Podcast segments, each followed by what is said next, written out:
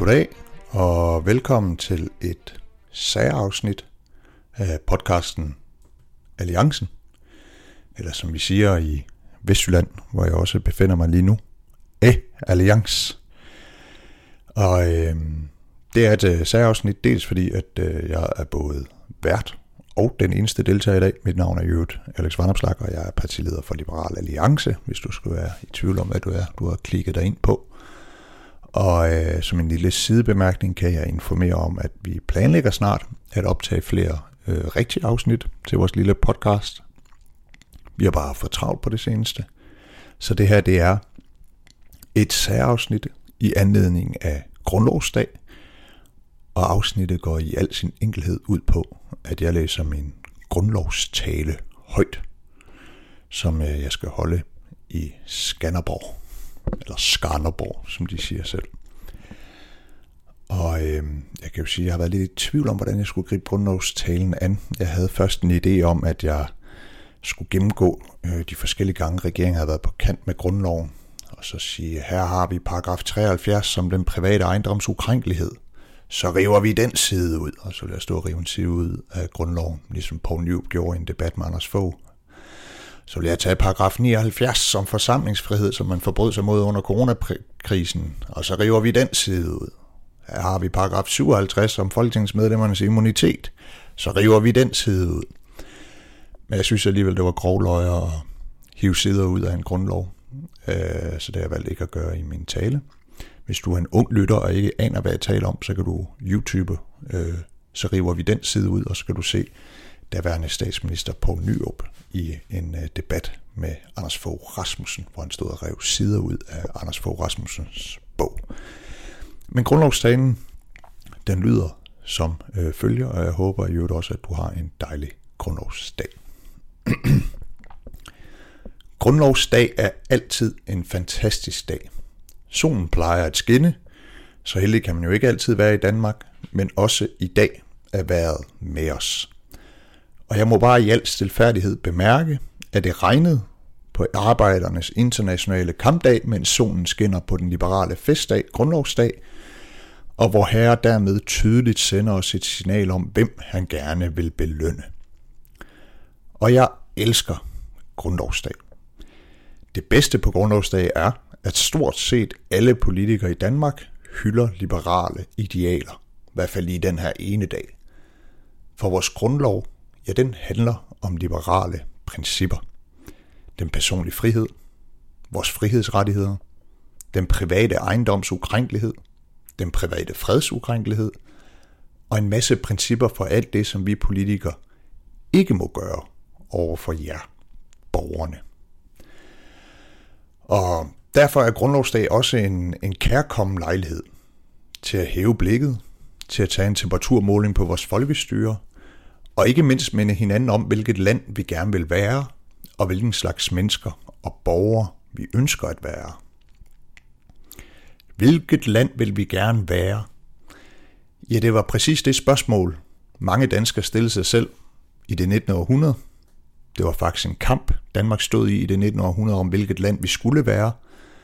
Og overalt i Europa var der på det tidspunkt revolutioner, hvor middelklassen og bønderne gjorde oprør mod adel og kongemagt. Og de, altså borgerne, bønderne, middelklassen, ja, de kæmpede under liberale faner. I Danmark gik det relativt fredeligt for sig.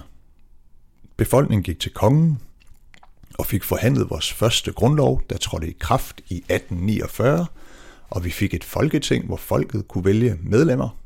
Det var så jo kun mænd over 30, der kunne vælge dertil, men folket kunne vælge medlemmer, og vi fik et landsting, hvor det var overklassen og kongens mænd, der sad. Konsejspræsidenten, det er altså det, der svarer til en dag, ja, han blev udpeget af kongen. Så man går jo ofte og siger, at Danmark blev til et liberalt demokrati i 1849.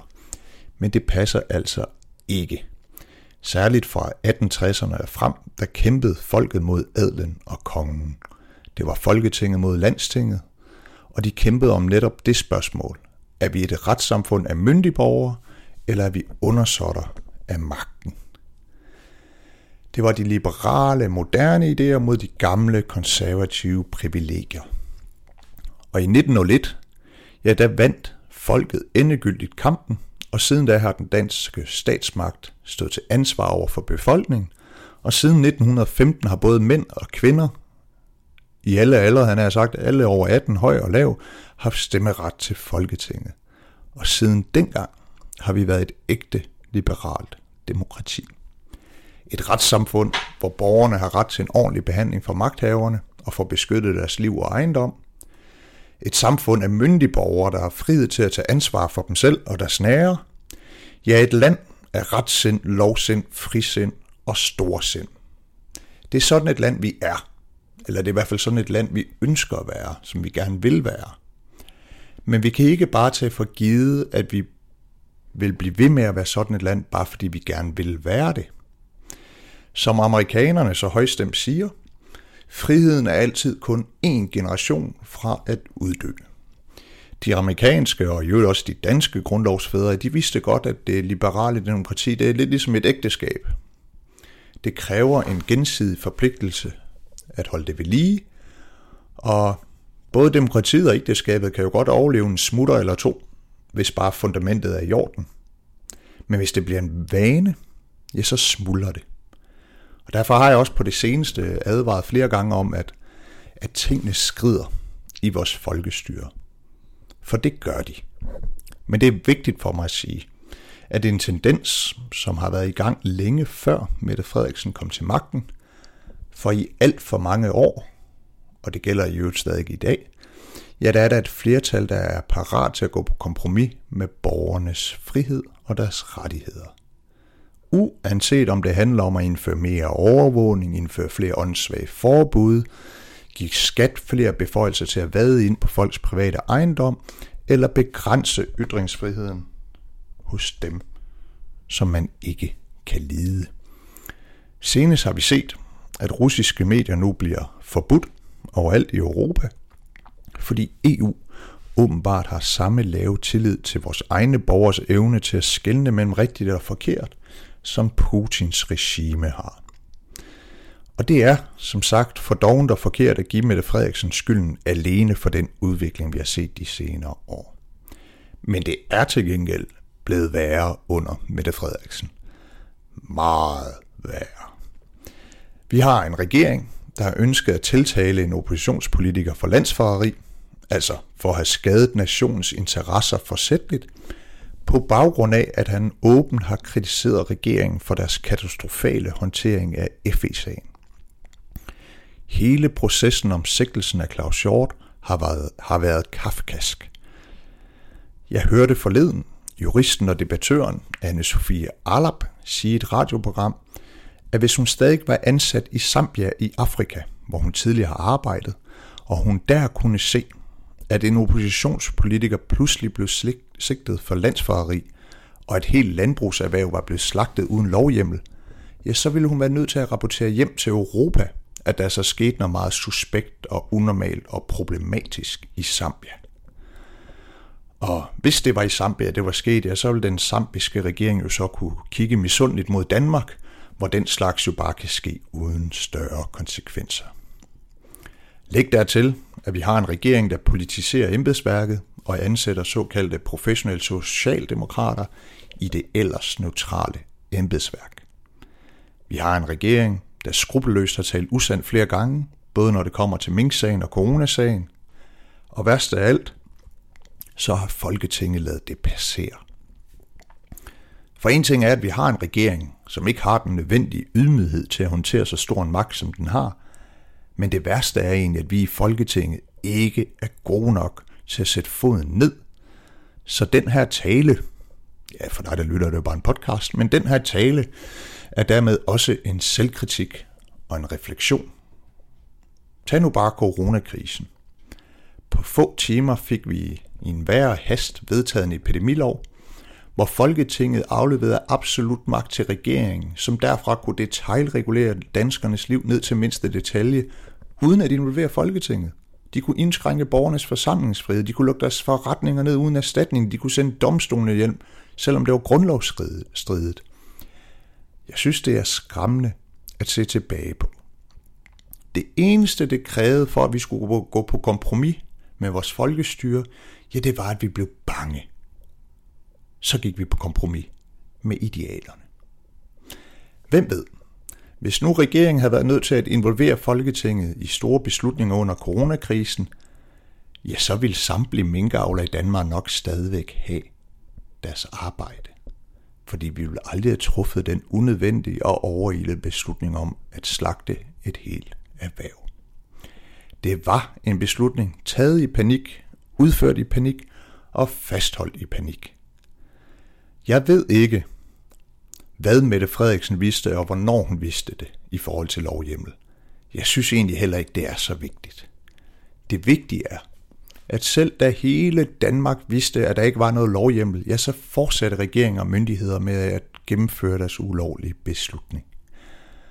Jeg var lamslået dengang, og jeg kan sige, at hårene rejser sig stadig på mig, når jeg tænker tilbage på den tid, og når jeg tænker på, at vi har en regering, der ikke orienterer sig, før den træder speederen i bund og kører frem i fuld fart over for rød. Ja, selv når den mærker bumpene fra dem, den kører over, ja, så, bliver, så forbliver foden på speederen. Det var lige præcis den form for, jeg nær sagt vanvidskørsel, jeg vil hellere sige vanvidspolitik, den måde at bruge magten på, som grundloven er udformet til at beskytte os imod. Og alligevel står vi her i dag. Inden længe kommer Grænsningskommissionen med sin rapport. Jeg tror ikke, at Grænsningskommissionen køber Mette Frederiksens forklaring om, at Mette Frederiksen kan tage en ulovlig beslutning, men at det så er Mogens Jensen, der har ansvaret for den ulovlige beslutning, som Mette Frederiksen har truffet. Hvis kommissionen skulle konkludere det, ja, så skal vi jo ændre loven i Danmark. Fordi så fungerer vores folkestyre jo ikke sådan, som vi ellers går og tror, og i øvrigt ønsker os.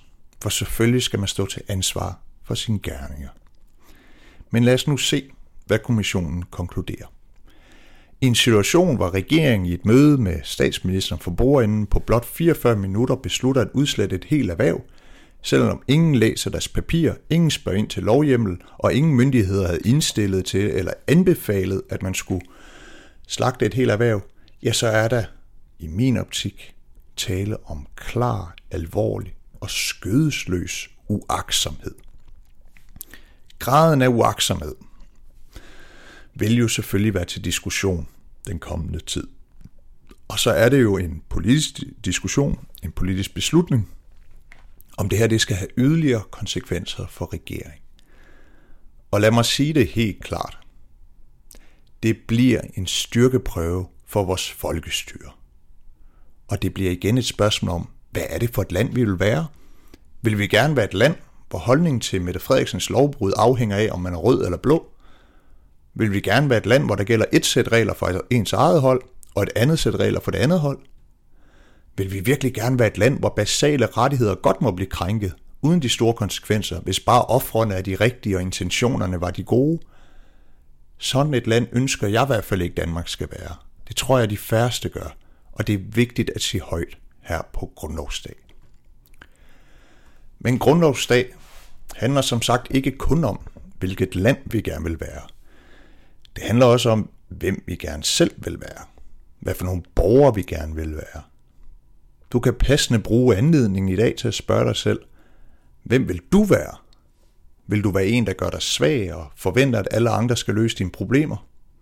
Eller vil du være en, der tager livet på dig og stræber efter at være stærk, også selvom det er svært? Vil du være en, der er bange for fremtiden og alle problemer, der lurer derude? Eller vil du hellere være en, der er klar til at løse problemerne og gribe mulighederne? Vil du gerne være en, der er bitter og krævende, passiv, krænket og ansvarsløs? Eller vil du hellere være en, der forsøger at være næstekærlig, selvopoffrende, initiativrig, robust og ansvarsfuld? Valget er dit. Og nej, vi bestemmer jo ikke altid over, hvad der sker i vores liv. Sygdom, kriser, krig, ulykke, men vi bestemmer altid over, hvad vi gør ved det, og hvordan vi reagerer på det. Og vi mennesker, vi kan så pokkers meget mere, end vi ellers går og bilder hinanden ind. Og helt sikkert meget mere, end mange politikere gerne vil bilde danskerne ind. Ja, for at være ærlig, så får jeg nogle gange det indtryk, at en del politikere fra en del partier, jeg reelt foretrækker, at borgerne er svage ofre, fordi så kan de, altså politikerne, frelse de svage. Men det giver jo ikke nogen et bedre liv, at man tager initiativ og ansvar fra dem. Det munder direkte ud i åndelig fattigdom. Nej, vi skal da stræbe efter at blive myndige borgere, der tager livet og friheden og ansvaret på os. Ikke fordi det er nemt, men netop fordi det er svært. Og vi politikere, vi skal behandle borgerne som myndige, ansvarsfulde og frie mennesker. Jeg bryder mig ikke om, at så meget i borgernes private liv bliver reguleret og gjort til politik. Jeg bryder mig ikke om, at et flertal på Christiansborg vil bestemme, hvor unge mennesker skal gå på gymnasium. Jeg bryder mig ikke om, at et flertal på Christiansborg vil bestemme, hvordan mor og far skal fordele en barsel mellem dem. Og jeg bryder mig heller ikke om, at et flertal på Christiansborg vil bestemme, hvordan en bestyrelse bliver i en privat virksomhed skal sammensættes. Jeg synes alt sammen, det er enormt grænseoverskridende. Det er en grænseoverskridende indblanden i folks frie liv og frie valg.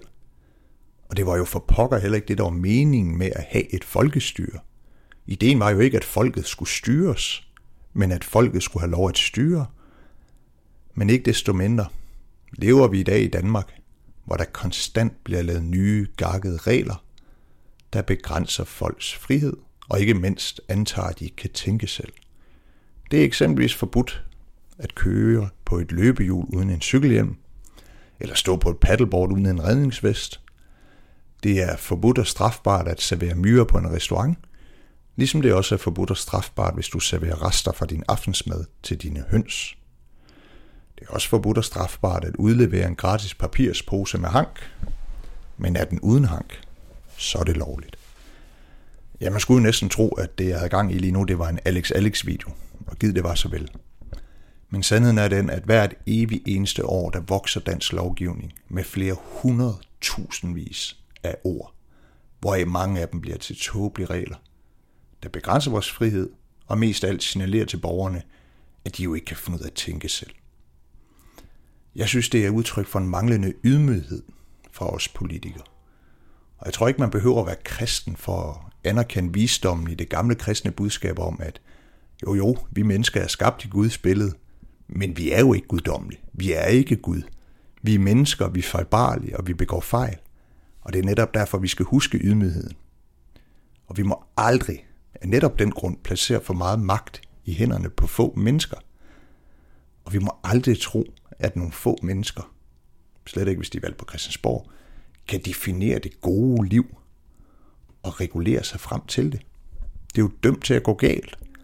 Er man i tvivl om det, ja, så kan man jo bare se på de sidste par år i dansk politik. Jeg ved ikke, hvornår der kommer et folketingsvalg. Det er jo faktisk en af de ting i grundloven, hvor Mette Frederiksen har suveræn hjemmel til selv at bestemme, hvornår det skal være. Så lige der, der tror jeg faktisk ikke, hun har tænkt sig at bryde grundloven. Men når valget kommer, ja, så bliver det et valg om de store spørgsmål. Hvilket land er det, vi gerne vil være? Hvad er det for nogle borgere, vi gerne vil have i Danmark? Jeg er ikke i tvivl om, hvad jeg mener, Danmark skal være. Danmark skal være et land af myndige borgere, hvor staten er til for borgerne, og hvor man ikke kan behandle danskerne som brikker i et slag ludo. Danmark skal være et land, hvor vi belønner det hårde arbejde, flid, initiativrigdom og selvstændighed. Hvor vi hylder dem, der tager ansvaret på sig, uanset om det er sygeplejersken, der arbejder en time over for at dække ind for den syge kollega, eller om det er iværksætteren, der lægger 80 timer om ugen i at skabe det næste Novo Nordisk. Vi skal da ikke være et land, hvor flid og hårdt arbejde og succes bliver straffet med høje skatter og misundelse.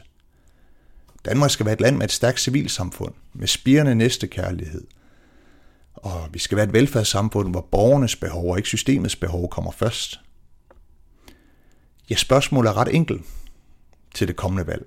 Vil vi være et land af retssind, lovsind, frisind og storsind? Eller vil vi være et land af kontrol, magtfuldkommenhed, systemtænkning og grådighed? For os er svaret klart. Vi ved godt, hvilket land vi mener, Danmark skal være. Og vi ved godt, hvilke borgere vi gerne vil være. Myndige og ansvarsfulde frie og forpligtet på hinanden. Og vi, vi liberale, ja, vi står på samme side som fantastiske mænd og kvinder, der skabte det Danmark, vi kender. Vi står på samme side som dem, der kæmpede for, at Danmark skulle have en grundlov. Vi står på de liberale værdiers side. Tak ordet. Og tak til dig for at øh, lytte med på det her særafsnit af podcasten Alliancen, E Alliance. Jeg tror, det næste afsnit, vi optager, det bliver på Folkemødet Live, så der kan du enten lytte med, eller komme forbi der, hvor vi holder det, og øh, lytte med der, og så kan vi jo drikke en stor fadøl bagefter. Det er jo det, man gør på Folkemødet. Tak, og fortsat god grundlovsdag.